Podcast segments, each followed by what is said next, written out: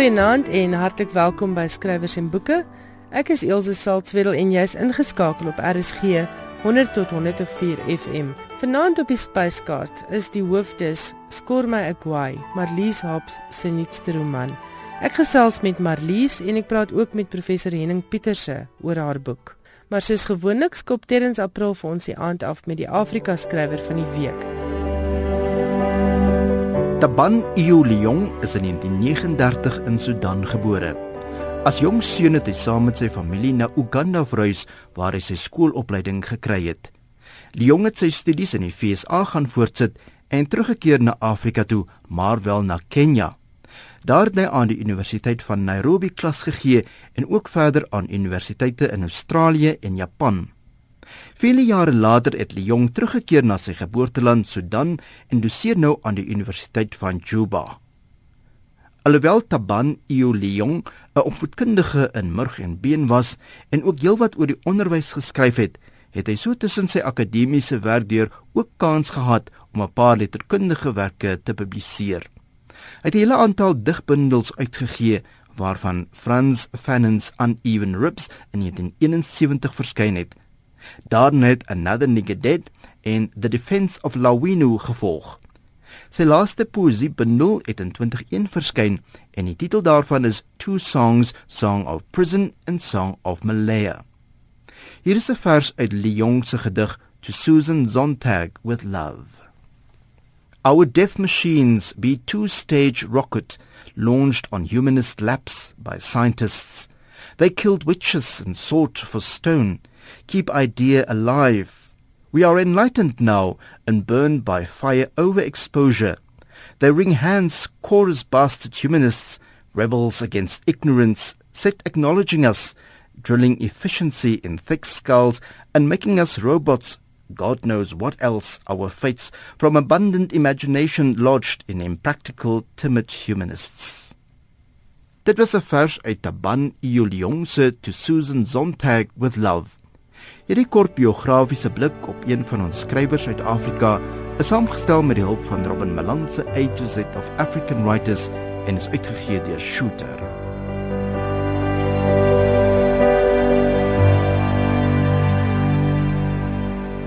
Volgende week is dit tyd vir Clover Aardklop in Potchefstroom en ouer gewoonte is daar weer 'n baie lekker boekprogram. Ek gesels nou met Leonie van Rensburg van Graffiti Boeke oor wat die ATKV Boeke Oase hierdie jaar vir lesers aanbied. Leonie, jy en Graffiti is vanjaar verantwoordelik vir die ATKV Boeke Oase by Aardklop. Vertel vir ons 'n bietjie meer. Dis korrek, soos, soos al die ander jare is ons weer daar, maar hierdie jaar is ons baie opgewonde. Die, die program is heeltemal anders as normaalweg. Ons het baie minder boekbekendstellings en baie meer gesprekke wat ek dink nogal baie baie interessant is. Ons skop Dinsdag met er, op Erfenisdag skop ons af met my gunsteling boek vir die jaar sover met die titel Spoorvat wat saamgestel is deur Jana Skeepers en Letty Klein. Dis een van daai moedboeke op jou rak. Dis 36 skrywers wat gevra is om te gesels oor hulle grootword daar, waar hulle vandaan kom en hulle kinder- en jeugervarings en die skrywers is van Hans Du Plessis, Irma Joubert, Dana Snyman, Ingrid Ingrid Winterbag, Cecile Celie, Marita van der Vyver om maar net 'n paar van die 36 te noem. So daarmee skop ons af op Dinsdagoggend om 11:00 by die ATKV Boeke Oase. Hoe werk die kaartjies vir hierdie boekprogramme? Gaan koop mense dit saam met die res van hulle aardklopkaartjies of daag hulle net by julle op? Daar is dit is die lekker van die ATKV Boeke Oase. Dis in die alle opsigte van dit is 'n Boeke Oase. Dis gratis. Dis heeltemal gratis. Jy hoef net op te daag met jouself en te kom luister na wat in die land aangaan ehm um, boeke teater gewys. Ehm um, so dit daar's verskriklike lekker goed en heeltemal heeltemal gratis en so hier en daar gooi ons selfs glasie wyn laatmiddag in. En dan dan ook op Dinsdag kan ek sommer net voortgaan ehm um, net, net vinnig die program deur hardloop. So ons skop dan Dinsdagoggend 11:00 af met Spoorvat van Letty Klein en Rihanna Skeepers Daarna om 12:30 gesels Antoni van van Nieuwkerk met JP Landman oor sy nuwe boek The Long View wat gaan en die die die, die tema van die boek is as almal om jou beklei gee vir hulle feite. So ek dink dit sal al die klaarkouse rede tot hoop gee om daarna te kom luister. En dis 'n uitstekende baie leesbare boek. Absoluut, is... absoluut. Ek dink ek dink Kabous het haarself baie goed van haar taak gekwyt toe sy hierdie program saamgestel het. Die verskeidenheid is is is regtig uit hoogstaande gehalte. En dan het ons om 2 uur die middag um skrapnel met met Irma Venter wat sopas die ATKV woordfeertjie gewen het vir haar boek Skoenlapper en hierdie is die bekendstelling van die boek Skrapnel en sy gaan gesels met Bora Steinmeier. Dan om 15:30 die middag is is Loftus Maree en Helena deploy aan die aan die woord oor um nuwe stemme in in die in die dig gedigte wat hulle gaan voorlees en daar kan ons absoluut die gratis glasie wyn kom geniet saam met ons. En ek dink dan die hoogtepunt vir my op die Dinsdag daarna eh, die middag 5uur gaan Antoinette Kellerman kom voorlees uit Breiten Breitendag se gedigte en sy word ondersteun deur 'n musiek van Skalkie Berg op die basgitaar. So ek dink dit is iets om na vreeslik uit te sien om die dag mee af te sluit. Dan skop ons Woensdagoggend die 25ste af om 11:00 met die groot trek 175. Dr Jackie Grobler en uh, professor Hans Du Plessis gaan gesels oor die boek Die Groot Trek gids tot die monumente terreine en gedenkplekke in Suid-Afrika. Daarna om 12:30 kom gesels Dr Dirk Herman oor sy boek Regstellende trane, waarom verteenwoordigend verteenwoordigendheid nie gelykheid is nie. Dan om 2 uur is die eerste van ons vier teatergesprekke. Die eerste teatergesprek is is is na met die naam van die land van skedels en die regisseur en skrywer Nicola Hanekom en die lede van die geselskap van die toneelstuk land van skedels gaan by die boeke oase wees om daaroor te gesels. Dan om 4 uur die middag kom Dominique Botha gesels oor haar boek Valsrivier, uh, wat 'n debuutroman is, maar eintlik meer uh vreeslik biografies, autobiografies. Ek het sopas die boek klaar gelees en is alles gegrond op ware gebeure. Um en Kabous Meyering lei die gesprek en dis ook gaan ook 'n baie interessante ene wees. Dan ag hier 6:00 die aand um gaan Luna die die liedjie skrywer en sanger Luna Page gaan vir ons heerlik musiek kom maak en daar's weer eens die beloofde glasie gratis wyn om te kom drink daar. Dan op donderdagoggend die tweede teatergesprek. Dit is om 11:00 wat word van ons teatererfenis en dit is met Albert Marits Mark van Graan Tempel Helpfish Maritsa Kreus en Lida Kreur. En dit gaan oor die Suid-Afrikaanse ryk teatererfenis. Dan om 1:00 die middag, dis donderdag swart op wit, dis hoe dit is. Annelie Botus met Deborah Steinmar as gesprekleier. Ons weet almal dat Annelie Botha se groot opskudding veroorsaak het met haar uitlating in 2010 teenoor aanlede Tief en rapport. En hierdie is haar boekskryfse oor die ervarings en die introspeksie waar eh, waartoe dit gelei het. Ek dink dit gaan ook 'n baie interessante gesprek wees. Absoluut. Dan om 3 uur die middag het ons ons nog 'n teatergesprek en die gesprek is Macbeth slapeloos. En dit gaan oor die verwerking van Shakespeare se drama oor die Skotse koning wat hierdie jaar debuteer by Aardklop. En ek dink dit is 'n grootse projek wat aangepak is met Martinus Passon, David Minnar, Anna Mat van der Merwe, almal van hulle gaan die hele tyd daar wees om te gesels oor die drama. Die derde teatergesprek om 15:30 is ehm um, gaan oor die stuk oor see met Tertius Kap en Wolf Brits as ook die lede van die geselskap en dit gaan na die ongekende sukses van Kap se Rooiland is hierdie 'n nuwe een vir hom wat nog steeds aktueel is, maar minder gesetel is in realisme. So ek dink die uh, teatergangers wat wat daai gaan bywoon kan gerus kom luister om 15:30 na na die gesprek. En ek verbeel my kap het nou um Roiland is nou ook in boekvorm beskikbaar. Hy is sopas dit boekvorm beskik uh, beskikbaar gestel en die boek sal ook te koop wees by die boeke Oase en graffiti soos ouer gewoonte sal seker maak dat al die boeke wat bespreek word by die by die ATKV boeke Oase sal ook te koop aangebied word. Dan sluit ons die aand af om 7 uur met Lorinda Hofmeyer wat vir ons kom sing en sy gaan weer eens ook saam met Skalkie Ber optree en daar's gratis wyn en wonderskone musiek en ons sien vreeslik uit daarna. Op Vrydagoggend die 27 September om 11 uur uh, doen ons die bekendstelling van Ilse Roggeband se boek Nood vir dood en sy gaan gesels met Kabous Meyering. Dit is 'n heerlike boek oor Karel Strydom wat 'n Afrikaanse sanger is en hy het baie issues waarmee hy deel en dat hy geheim wat met hom saamloop en dan is daar natuurlik die spreek die gewone moord wat daarin is en is 'n heerlike spanningsroman. En ek seker dit gaan baie baie baie lesers sommer laat regop sit. En ek dink omdat Elsa so deeglike kennis van die Afrikaanse vermaakbedryf het, is dit baie realisties, né? Ja, en as jy die boek lees ook, dit is asof sy jy begin jy wonder die hele tyd van wat skryf van watter musiekkant praat sy hier. Dit moet iemand wees wat ons ken. Om 12:30 is die die vierde en laaste van ons teatergesprekke en die gesprek se opskrif is wie drink wat en dit gaan met Saartjie Botha en Christian Olwagen en die lede van die geselskap en ek dink dit gaan 'n heerlike gesprek wees want die teater is by uitstek 'n medium wat 'n speel op ophou vir die samelewing en dan sê hulle hoekom drank en hoekom 'n drama daaroor. Ek dink dit gaan 'n baie lekker interessante gesprek wees. En dan om 2:00 die middag kom Dik Grobler vir ons kuier en hy saam met Johan Meiburg en hulle gesels oor an animasie en film. En soos weet is Dik op die oomblik besig om sy broer Piet Grobler se boek net een slukkie padda in animasie te omskep. So mense wat belangstel daarin kan gerus daarna kom luister om 2 uur. Om 3:30 is die bekendstelling van Mario Leroux se boek Clara met Renée Conradie as 'n gesprekleier. Ek onthou die daar vorige roman Die Naamlose was 'n ongelooflike mooi boek en ek is seker Clara gaan definitief want dit dit dit eindig uh, dis uh, waar die boek Naamlose geëindig het is toe die trekker se wil Clara se uh, pap gedruk het en dit is waar Clara die nuwe boek begin. So ek En dis 'n pragtige boek. Ek dink dit gaan wye byval vind. Dit is Ek dink so. Ek dink Clara vir my as ek na al die boeke kyk wat wat bekend gestel word en wat beskikbaar gaan wees, is Clara vir my die ene wat wat amper uitstaan as die die boek wat van van van die fees wat almal gaan moet koop. En dan Saterdagoggend lekker jolig al die RSG luisteraars wat nou al vir Amore Becker ken, haar immer gewilde China resepte 2 word bekend gestel. Sy gaan ook self daar wees. So die boeke gaan hopelik ons het hier ons het 'n klein probleempie met die drukker en hulle het my beloof die boek gaan op die laaste teen Woensdag volgende week afgelewer word.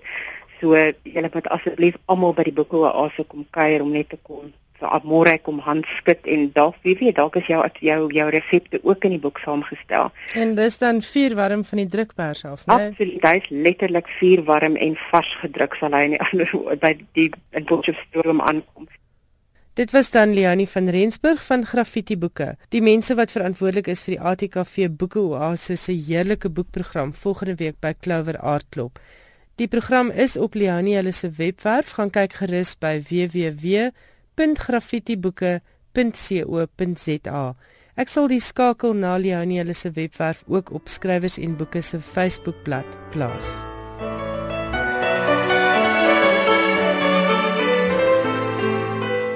Die wenners van die ATKV woordfeertjies is verlede Vrydag bekend gemaak. 16 woordfeertjies is toegekend vir uitsonderlike prestasie rondom die Afrikaanse woord. Die groot prys van die aand het gegaan aan Karen Breinhardt Sy het die ATKV Prosa Prys verower vir Onse Vaders wat uitgegee is deur Iman en Resou. Die prys vir die liefdesroman het gegaan aan Kristal Loots vir Eendag Mooi wat deur Lapa Uitgewers gepubliseer is. Die prys vir poësie behoort aan Petra Miller vir haar bundel Om die gedagte van Geel uitgegee deur Tafelberg. Die prys vir romanses het gegaan aan Boksvol Soentjies deur Dina Botha van Lapa Uitgewers. Irma Venter het die prys vir spanningslektuur verower vir Skoenlapper, nog 'n publikasie van Iman en Resou. Die prys vir dramateks is toegekend aan Nicola Hannekom vir Trippie.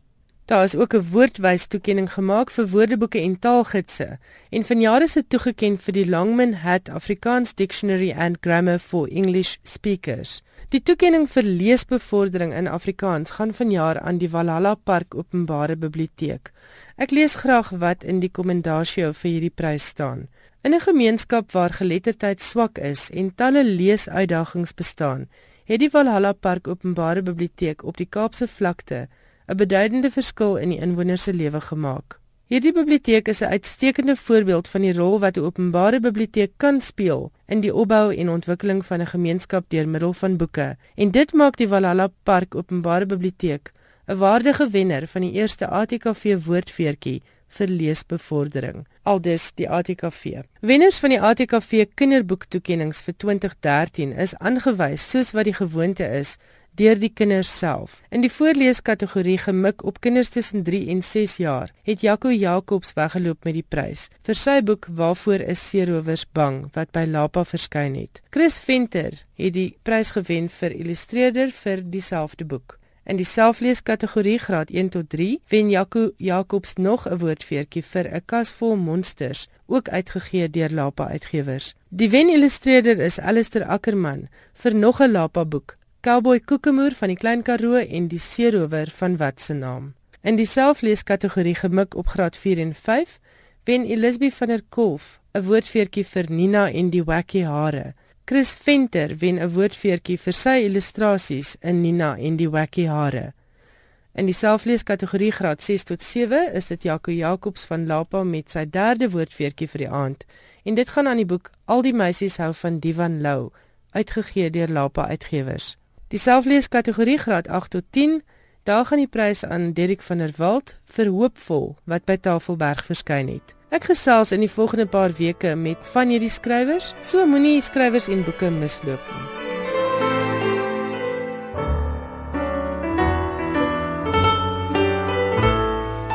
Nou is dit tyd vir die beloofde bespreking van Skor my Agwai, Marlies Hobbs se jongste roman. Marlies is nie 'n onbekende in die Afrikaanse letterkunde nie. Sy het in 2005 gedebuteer met haar eerste roman Flarde. Die boek het 3 pryse ontvang: die Universiteit van Johannesburg se prys vir 'n debuutwerk, die Jan Rabie rapportprys vir innoverende skryfwerk en die Eugene Maree prys. Marlies, vertel vir my van Skor my Agwai, waar het die idee vir die boek ontstaan? Ehm um, die idee van Score My Agua het 'n baie lank pad met my geloop. Dit het verskillende titels gehad. Die storie het verskil soos dit met tyd gegaan het. En op die ou einde het ek net gaan sit en wonder, jy weet, waaroor wil ek eintlik skryf? En ek wou moeilike temas aanraak soos bloedskande en sulke goed, maar ek wou ook die menslikheid en die pleidooi vir menslikheid uitbring. So ek het met verskillende idees gewerk en dan het ek ook gewerk met kleintyd ervarings wat positief is want wanneer slegte goed gebeur gebeur dit nie alleen as slegte goed nie. Daar is altyd ook positiewe goed.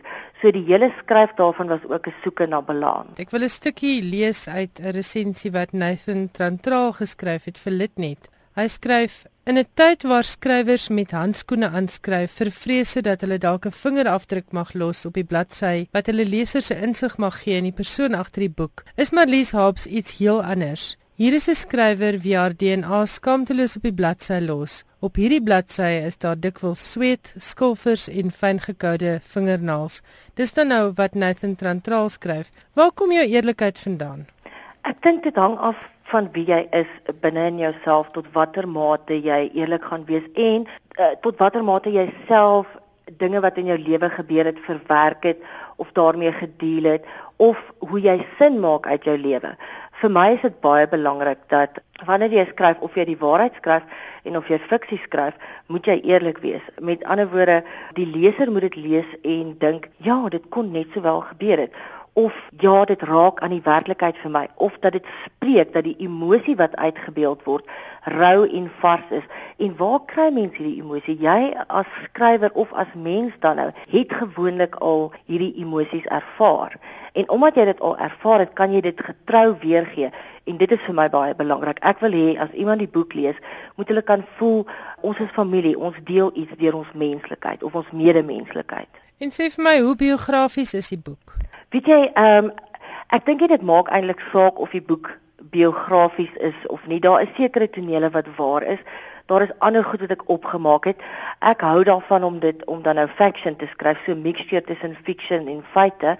Ek dink die belangrikste is dat die goed moontlik met iemand kan gebeur. Dat dit nie goed is wat verbeelde werklikhede is nie. Dit kan gebeur. En dit kon dalk met my gebeur het of met iemand anders wat ek in my beroep as maatskaplike werker ontmoet het. Die belangrikste is dat dit tog waar moet lees en dan op daardie wyse met die leser moet praat. Jy het net nou vlugtig verwys na die temas wat jy wou aanraak, maar dit is nie net goed soos kindermolestering en so nie. Daar's dieper temas. Daar's onreg, daar's deernis, daar's baie deernis in die boek. Wat wou jy spesifiek aanraak? Ek dink na die tyd besef jy eers, jy weet wanneer jy skryf ek skryf geheel en al uit my onderbewussyn uit. Met ander woorde, na die tyd sien ek die temas wat my onderbewussyn vir my gegee het en ek dink een een van die groot temas is 'n pleidooi vir menslikheid en medemenslikheid en om begrip vir mekaar te hê en meer as dit om nooit weer die foute van die verlede te maak nie en dan om selfs vir die een wat onreg aan jou gedoen het, 'n vorm van deernis te hê. So dit trek deur, maar dan ook hoe mens uh, die hele tyd in 'n tipe spieël kyk dwarsteer jou lewe en kyk na wat vir jou gereflekteer word omtrent jouself en uit ander mense om jou en om dan op die ou einde te leer. Maar die boek eindig met waar jy weet 'n sigaret gerook word in die en die kringetjies trek net so oor die vlaktes en op die ou einde moet die swaar kry maar net 'n kringetjie rook wees wat opgaan en ook weer verdwyn. Verwys dit dan nou na die titel of het dit het dit 'n verband met die titel My Guy wat beteken om 'n sigaret te bedel? Die titel, weet jy, ek het dit was eers 'n ander titel. Ek wou dit eers kringetjies vir Misa noem, maar 'n uh, aantal mense het vir my gesê dit klink 'n bietjie pink. En uh, ek is glad nie pink nie en toe het ek nou maar daarvan afgesien. En ehm um, toe het ek met die titel van Score My Guy vorendag gekom want uh, Score My Guy beteken ek vra vir iets verniet. En wanneer jy vir iets verniet vra, is jy besig om te bedel vir genade. En ehm um, ek dink dan kom ons weer by die temas van medemenslikheid en genade. Verander om jou en dan ook genade vir jouself hê. So ek dink dit is waar die titel dan mooi saamwerk. Maar Lies, die die voorblad is ook nou nie jou standaard Afrikaanse roman voorblad nie. Vertel 'n bietjie meer daarvan. Uh, ja, die voorblad is 'n foto van so 'n tienerdogter, miskien pre-teen ouderdom, uh, aan die ander kant van 'n venster. So die foto is so deur 'n venster geneem. En dit dui maar op die buitestander aspek en die andersheid en die nie deel vorm nie, maar dit sê ook dat ons basies net kan inkyk van buitekant af op iemand. En dit is maar 'n uh, daai dit is die beeld wat jy gaan kry en dit is nie altyd die presiese beeld nie maar jy kyk maar in van buite af en dis maar die poging wat die boek ook aanwend om in te kyk op die lewe van ander mense en daaruit te probeer sin maak. Ek gesels met professor Henning Pieterse van die Universiteit van Pretoria se eenheid vir kreatiewe skryfkuns en ons gesels oor Marlies Hobbs se nuwe roman Score My Aguay. Goed, ehm um, hoe vergelyk flarde met skoor of is dit onregverdig om hoegenaamd die twee boeke te vergelyk? Daar is 'n hele paar lyne wat 'n mens kan trek tussen die twee tekste. In flarde het uh, Marlies Hobbs 'n klomp karakters aan die woord gestel. Swart en wit mense. Met elkeen praat in hulle eie spesifieke sosiolek. So mense kon die karakters deur hulle eie woorde herken. Dit skoor my 'n gwaai is daar twee vertellers aan die woord 'n wysie met die naam van Misa en dan 'n swart bediende met die naam van Sina Mamogwe. Die twee vertel elkeen hulle eie stories, maar deurgangs vul die stemme mekaar in en aan. Misa sal byvoorbeeld praat oor 'n insident uit haar jeug en in die volgende afdeling lewer Sina dan kommentaar daarop, brei daarop uit vul daarop in en aan. Verder speel die twee ehm um, novelles baie duidelik herkenbaar in dieselfde omgewings af of in dieselfde milieu dan. Die noordweste van die noordwestelike provinsie. Vryburg en omgewing, Louna, Ganjesa en omgewing. In Vlaarde is die hoofiguur net die maatskaplike werker. Sy hou eintlik 'n klomp verhaallyne in haar hand vas en luister dan na 'n klomp stemme van mense om haar, van pasiënte, van werkers, van vriende. Die gevoel wat ek het met skoor my gwaai is dat waar flarde meer op die volwasse ma maatskaplike werker gefokus het.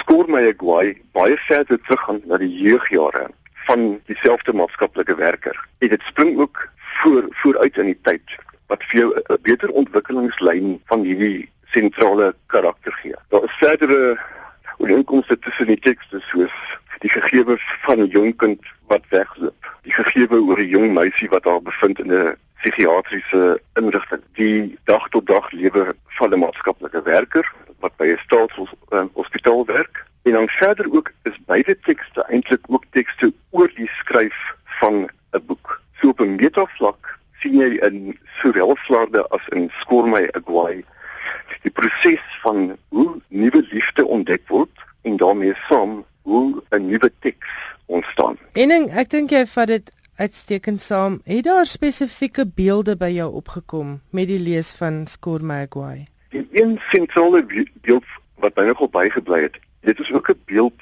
wat myns insiens groei tot 'n metafoor vir of van hierdie hele teks, is die van die spieël. Vroeg in Score Magway kyk Misa na haarself in 'n spieël in haar ouma se huis Maar dit is 'n spieël wat 'n verwronge beeld van haarself weergee. En sy wonder dan of daardie die dalk die regte spieël is. Daardie spieël wat vir jou skewe buitelyne gee. Teenoor die ander spieëls wat vir jou 'n helder, duidelik afbakenbare beeld gee nie. En hierdie spieël tema of dan 'n metafoor loop vir my reg deur die boek in terme van die twee vertelinstansies, die karakters van Misa en Sina wat mekaar se stories en mekaar se lewensdeurentyd afspeel. Soos ek gesê het, Misa lewer kommentaar op 'n insident uit Sida se lewe.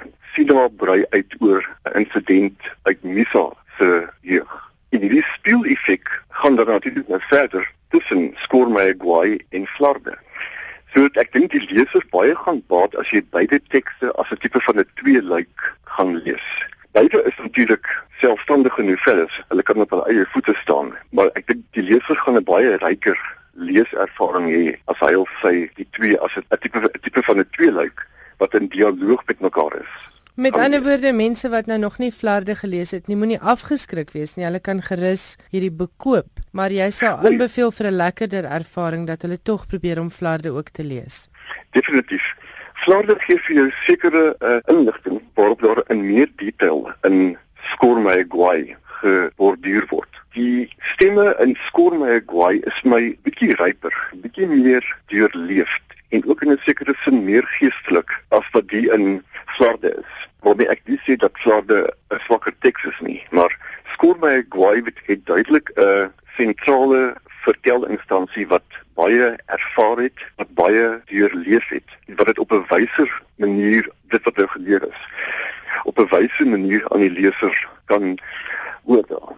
Daarmee som ook 'n baie eerlike en ook 'n baie weerlose stem wat daarso opklink. Daar is nie voorgee, daar is nie pretensie nie. Dit soos hulle sê op Engels, it rings true. Mens kan beide vertellerstemme in skoor aanvaar as mense wat werklik deur hierdie situasies is waaroor hulle praat. Ek het sosiale kommentaar ook raak gelees in Skormeyguai. Watter wêreld het dit vir jou opgeroep?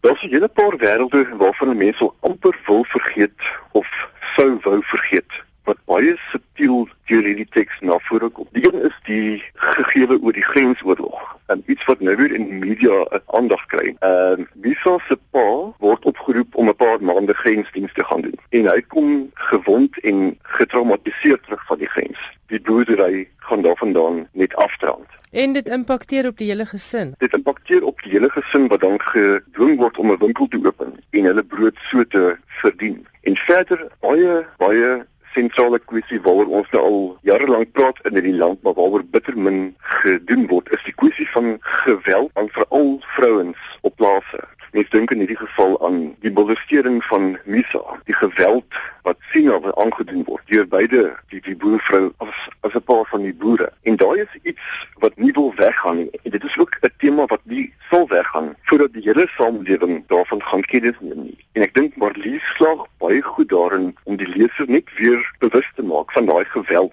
teen werkers en dan veral teen vrouens op plase sonder om dit in jou keel te wil afdruk. Dit word deel van die breër diskurs wat hierdie teks vir jou bring. Dis baie onderbeklemtoon. Dit is die die geweld teen Sina is maar enkele paragrawe, maar dit staan uit amper in die boek. 'n Paar sinne wat jou tot in jou in jou diepste skok. Dit is juist hierdie subtiliteit waarmee Marlies te werk gaan wat hierdie impak bewerkstellig. Dit word nie in jou gesig gevryf nie of jou neus word nie daarin gedruk nie. Dit word so fyn vir jou weergegee dat dit eintlik 'n groter skok is as sou dit direk vir jou gegee gewees het. Ja, of of langdradig beskryf gewees het. Ja, telkens kom hierdie verbloemde of die verskuilde magsverhouding tussen baas en klas, tussen boer en werker die totale mag eintlik wat die man staan het oor die vrouens of dit nou die gesinslede is of as plaasarbeiders. En dit word baie subtiel reg deur die teks geweef. Die teks is vir my trouens 'n baie goed deurgekomponeerde en deurgeweefde teks. Daar word gewerk met kleiner en groter beelde en motiewe soos die van 'n rookkring wat uitgeblaas word wat die jong wie sal fascineer later rook sy self en sy blaas ook rookkringe en in die slot van die boek het jy hierdie pragtige beeld van rookkringe wat uitgeblaas word en eintlik dan oor die hele land wegdryf. So daar is 'n paar liriese eintlik digterlike beelde wat hierdie teks saamhou wat baie slim geplant is. En dan as kontras met hierdie liriese of hierdie digterlike beelde het jy die skokkende geweld en molestering tonele wat baie fyn weergegee word. Geensins op 'n skokkende manier nie, op 'n voor die hand liggende manier. Dit is nou maar wat hoe dit gaan op plase. Ja, en daarmee sê sy nie noodwendig dit is nou die geval nie, maar dit is definitief die geval gewees in 'n tyd waar menseregte regtig nie vooropgestel is nie, né? Ja, en daarmee som natuurlik wys vir jou waar is die saadjies geplant van die geweld wat ons nou ervaar in die land teenoor vroue en kinders. Vir wie sou jy die boek aanbeveel, Henno? Hierdie is 'n boek vir almal, wat nou soos 'n klise klink.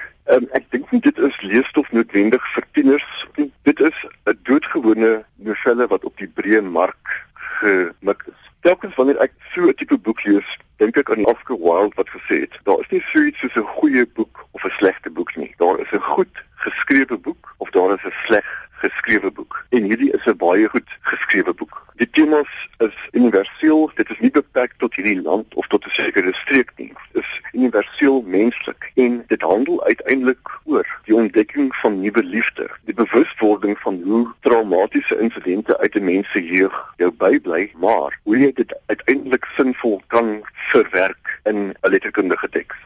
Ons het gesels oor Marlies Hobbs se roman Skorme Agwai. Baie dankie ook aan professor Henning Pieterse vir sy tyd om die boek met ons te bespreek. Skorme Agwai word uitgegee deur Iman en Resou en kos R165. Rihanna Skeepers en Letty Klein het 'n baie besonderse boek oor die skryfkuns saamgestel. Hulle noem dit die Afrikaanse skryfgids en die boek word uitgegee deur Penguin. Ek en Rihanna gesels vanaand oor skrywers mites. Vertel vir ons 'n bietjie van die mites. Weet jy daar is soveel fascinerende onsin wat verkondig word as die reine waarheid in die skrywerswêreld. En dit is gewoonlik jou potensiële skrywer wat hierdie mites um, uit bedink want as jy eers self 'n gepubliseerde skrywer is dan weet jy hoeveel nonsens dit is. Ons almal het groot geword met daai romantiese idee van die skrywer wat ergens in 'n solderkamer in Parys sit en vrek van die honger, maar die beeldskone letterkunde vloei so uit sy pen. Um ja, dit kan seker wees want niks in die skrywerswêreld is is ab, absoluut nie. Die oomblik as daar 'n reël is, dan word daardie reël verbreek want geen skrywer laat hom in elk geval voorskryf deur wat moet en wat moet nie. Maar ek het gedink dit is goed dat ons 'n bietjie oor skrywers mites gesels. En die doodgewone praktiese manier om oor hierdie skrywers mites um, aan te spreek. Wat is die grootste mite? Weet jy, miskien daardie heel simpel ding wat skrywers of potensiële skrywers weet wat sê ek wag vir inspirasie. Die muse moet my besoek. Maar ek vind sy is gewoonlik iewers anders besig met 'n ander skrywer. Sy is baie selde in my omgewing rond. Ehm um, hoe is jou ervaring? Jy moet daai muse genade klap. Sy het nie sy het eintlik nie gesê nie. Jy's eintlik in beheer van daai muse nie, sy in met jou nie. Kyk, ek moet sê dit gebeur soms. En in my langskrywersloopbaan van sê maar 30 jaar, het dit nog net een keer gebeur dat iets my beet gekry het en dat ek gaan sit het en dat ek 'n kort verhaal geskryf het. Dis 'n baie kort verhaal moet ek byvoeg, ongeveer 2 bladsye, maar dat ek in een sitting die hele verhaal geskryf het, nog net een keer. So dit is moontlik dat die muse jou beet kry en jou nie uit haar kloue los nie. Maar die teendeel is eintlik waar. Jy gaan sit en jy begin skryf. En dit is nie te sê dat alles wat uit jou pen vloei dadelik perfek en wonderlik is nie en bruikbaar is nie, né? Of bruikbaar is nie, want 'n skrywer moet leer om weg te gooi. Maar die muse kom na jou toe as jy gaan sit en begin skryf. Dit is so eenvoudig soos dit. En skrywersblok? Weet jy, dit is nog 'n romantiese ding om te praat oor skrywersblok. En as jy met enige joernalis gaan praat, dan gaan jy gaan jy baie gou uitvind want joernaliste is ook kreatiewe skrywers hoor. Daar is nie die luukse van skrywersblok nie. As jy 'n sperdatum het van oor 'n halfuur, oor 'n halfuur moet jou berig in en uit en klaar, dan het jy nie die luukse van 'n skrywersblok nie. Dan gesit jy en jy doen jou werk. En ek het 'n idee dat skrywersblok eintlik maar net 'n soort vrees is En die, die beste manier hoe ek skrywersblok oorkom is jy gaan sit en jy gaan skryf.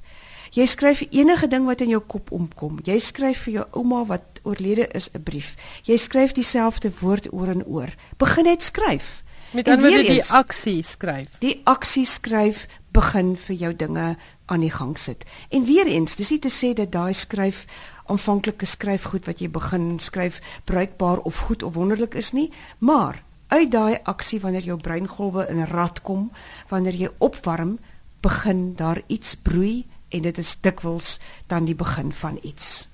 Iemand het ver oggend op 'n Facebook groep waaraan ek behoort die lekker lees boekrak, die stelling gemaak dat die hele stelsel teen skrywers is en dat baie skrywers moet wag vir hulle aftrede voordat hulle gepubliseerde skrywers kan word. En ek het toevallig gesê nee, ek weet van 'n hele klompie skrywers wat day jobs het en wat in die vroeë oggendure uur skryf en wat saans en naweke elke uurtjie gryp om te skryf en publiseer en dan mettertyd wanneer hulle sukses behaal, dan is die ding van 'n voltydse skryfloopbaan hulle eers beskore. Stem jy met my saam? Nee, daai aftrede as jy wag vir aftrede gaan jy die res van jou res van jou lewe gaan jy wag, want jy, en jy gaan nog doodgaan voordat jy afgetree is.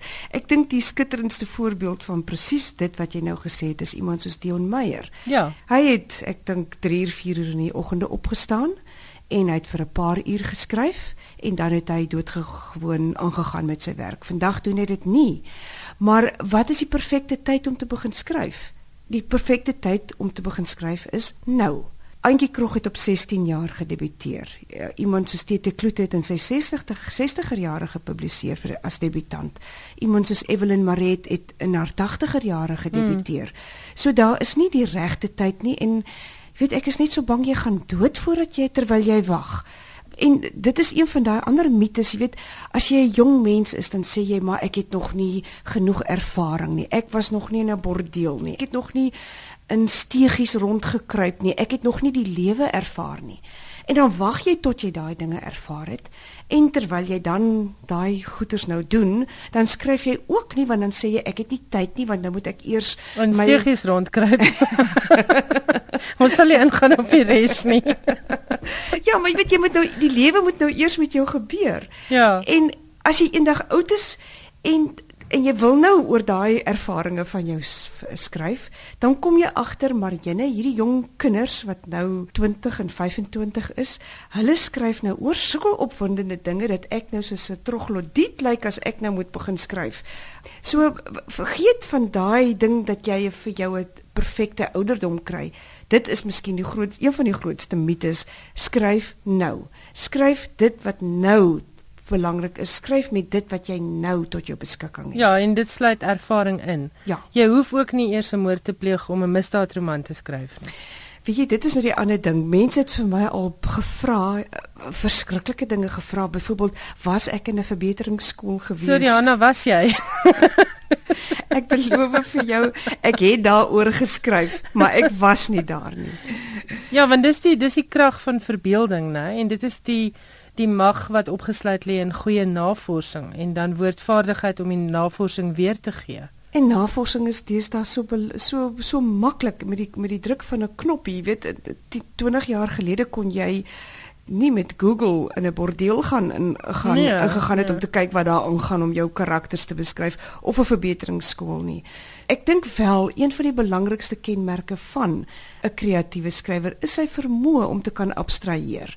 En as ons dit by ons kinders kweek, gaan jy nie net vir hom van hom 'n kreatiewe klein sielietjie maak nie, jy gaan ook vir hom leer om om uit die boks te dink. En ek sê altyd moenie net uit die boks dink nie, klim uit die boks. Ja, hoe leer jy dit vir 'n kind? Kom ons praat net so, ons wyk net so vinnig af. Hoe leer jy vir jou kind kreatiwiteit? Weet jy net doodgewoon om nie beperkings op daardie kind te plaas nie. Toe ek begin lees het, het my ma vir my geen boek van my weghou nie en dit sal ek haar altyd dankbaar wees is dat ek kon lees presies net wat ek wou. En baie daarvan was bo my vuurmaakplek het ek nie verstaan nie maar dit is nie van my weggehou nie. En ek het dadelik een gevoel met 'n baie groter letterkunde as waarvoor 'n jong kind um, eintlik opgewasse is. Maar daar's nie daar was nooit daai taboe wat op my gesit is nie. Iemand soos Audrey Blinow het ook gesê dat haar ouers het nooit vir haar gesê jy mag nie die Engelse digters lees nie so sy was 'n laerskoolkind wat sy en sy het Tennyson en Byron en mm. Yeats het sy gelees sonder 'n sonder 'n plafon. En en soos jy sê al verstaan die kind dit nie noodwendig nie. Hy ontwikkel 'n waardering daarvoor en later kan hy verstaan bykom. Absoluut. Goed, nog 'n mite. Die gebruik van alkohol of dwelms, daai ding van die Paryse skilder ag silderkamertjie met die glas wyn. Hoe nodig is daai wyn? Weet jy daar het nou navorsing al bewys dat as jy nou 3 glase te veel wyn het of as jy 'n sol of twee gedraai het en met die gebruik van bewussynsverruimende middels. Dit gaan jou dalk vaak maak, dit gaan vir jou dalk dapper maak of dit gaan jou dalk aggressief maak, maar dit gaan nie van jou ongelukkig, ongelukkig nie vir jou 'n beter skrywer maak nie. Gaan soek vir jou ander ontroeringsmiddels. Party mense skryf met musiek, party wil stilte hê. Ek dink dat elke kunstenaar moet vir homself uh, 'n uh, ritme kry, 'n ruimte kry en dit wat vir hom belangrik is. Ek weet dat Etienne Leroux het met met die blues musiek en met jazz het hy geskryf en daar's mense wat sê dat hulle daai ritme van daai musiek in sy skryfwerk kan agterkom. Ek weet nie mm, of mm. ek weet nie wat waar is nie.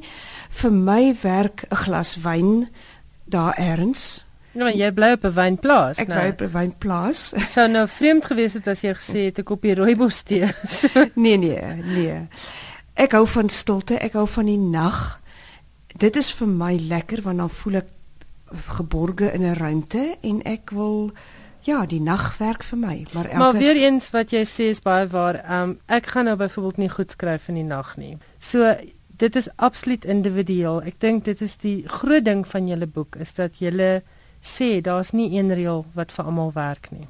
Dit is baie waar. En sê net gou vir my, daar's nog 2 of 3 mites wat ek baie amusant gevind het. Ons het nou gepraat oor geld. Ons ehm um, kom ons praat oor plek. Moet jy 'n uitsig hê as jy skryf? Dit is nou al 'n beroemde uitspraak van Virginia Woolf, a room of your own. En ek dink sy dit metafories bedoel want 'n skrywer, die skrywersmiete wat daar is, jy weet, ek moet 'n 'n studeerkamer hê met 'n uitsig wat oor die see uitkyk of eers 'n huisie in die berge waar die uile skree en sing en jy moet hierdie beeldskone ruimte hê. En dit is nie waar nie. As jy kyk na die wêreld se bekendste skrywers, iemand soos Isabel Allende wat by 'n kombuistafel gesit het in 'n armoedige huisie en sy het fantastiese werk gegee. Iemand soos Josant in Frankryk het nie eers 'n studeerkamer gehad nie, sy het 'n ou hangkas leeggemaak. Ek het dit gesien, dit is verstommend om te sien. Dit is die 'n minuskule klein ruimtetjie, daar's niks romanties daarin nie, dis 'n donker gat. Mm. En sy het in daai hangkas het sy geskryf elke nag van haar lewe. Ek het baie lank in my lewe het ek in 'n gang geskryf want ek het nie 'n studeerkamer gehad nie. Weereens skryf vir jou 'n psigiese ruimte waar jy veilig voel. Of dit nou by die kombuistafel is en of dit nou op 'n by in 'n koffiewinkel is soos Koos Kombuis wat daar skryf, maar wees veilig en en wees vertroud met jou ruimte pak jou goed wat waarvan jy hou, jou klippe of jou boeke of jou ornamente of jou fotos om jou uit en skep jou eie ruimte al is dit aan die hoekie van die onderpunt van die gang en of onder die trap of onder die trap. Ja. Jy het nie 'n studeerkamer nodig nie. Dit was dan ons twee weeklikse gesprek oor die skryfkuns.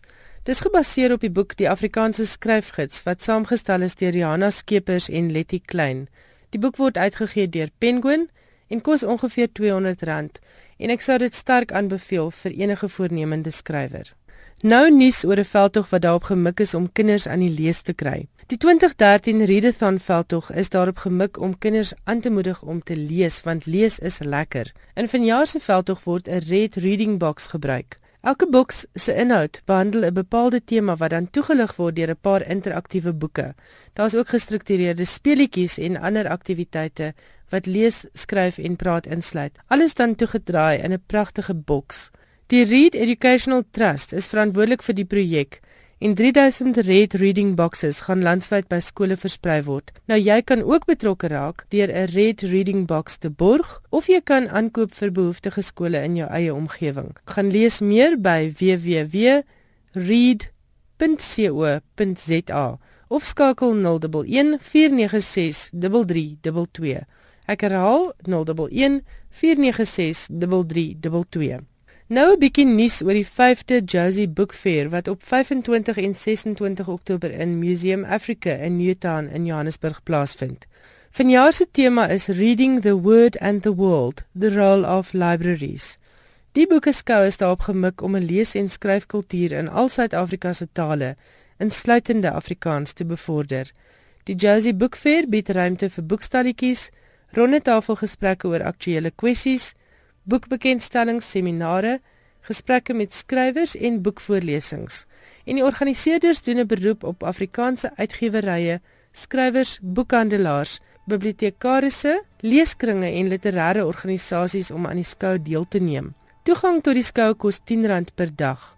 Leeskringlede wat vooraf registreer verkry op 25 Oktober gratis toegang. Om 'n item op die skou aan te bied kos slegs R100 en om 'n boekstalletjie op die fees te bedryf kos R1750. Belangstellendes kan Lokutaba Woendla kontak by 011 33 69 190 011 336 9190 Vir meer besonderhede oor die skou, besoek die webtuiste www.jazzybookfair.org.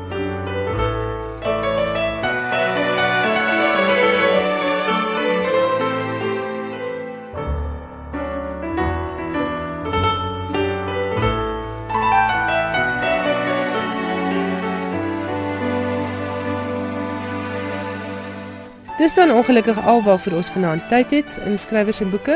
Ons e-posadres is skrywersenboeke@rsg.co.za. En as jy 'n SMS wil stuur na 3343, onthou dit kos R1.50. Vanaand se program is oudergewoonte weer as potgooi beskikbaar. Gaan kyk net op ons webwerf by rsg.co.za. Die program word Sondag nag herhaal in deurnag. Sluit ook gerus aan by ons Facebookblad Skrywers en Boeke. En onthou om oorsee se familie en vriende te laat weet dat hulle aanlyn na RSG kan luister. Jy klik eenvoudig op ons webwerf rsg.co.za en volg die maklike stappe.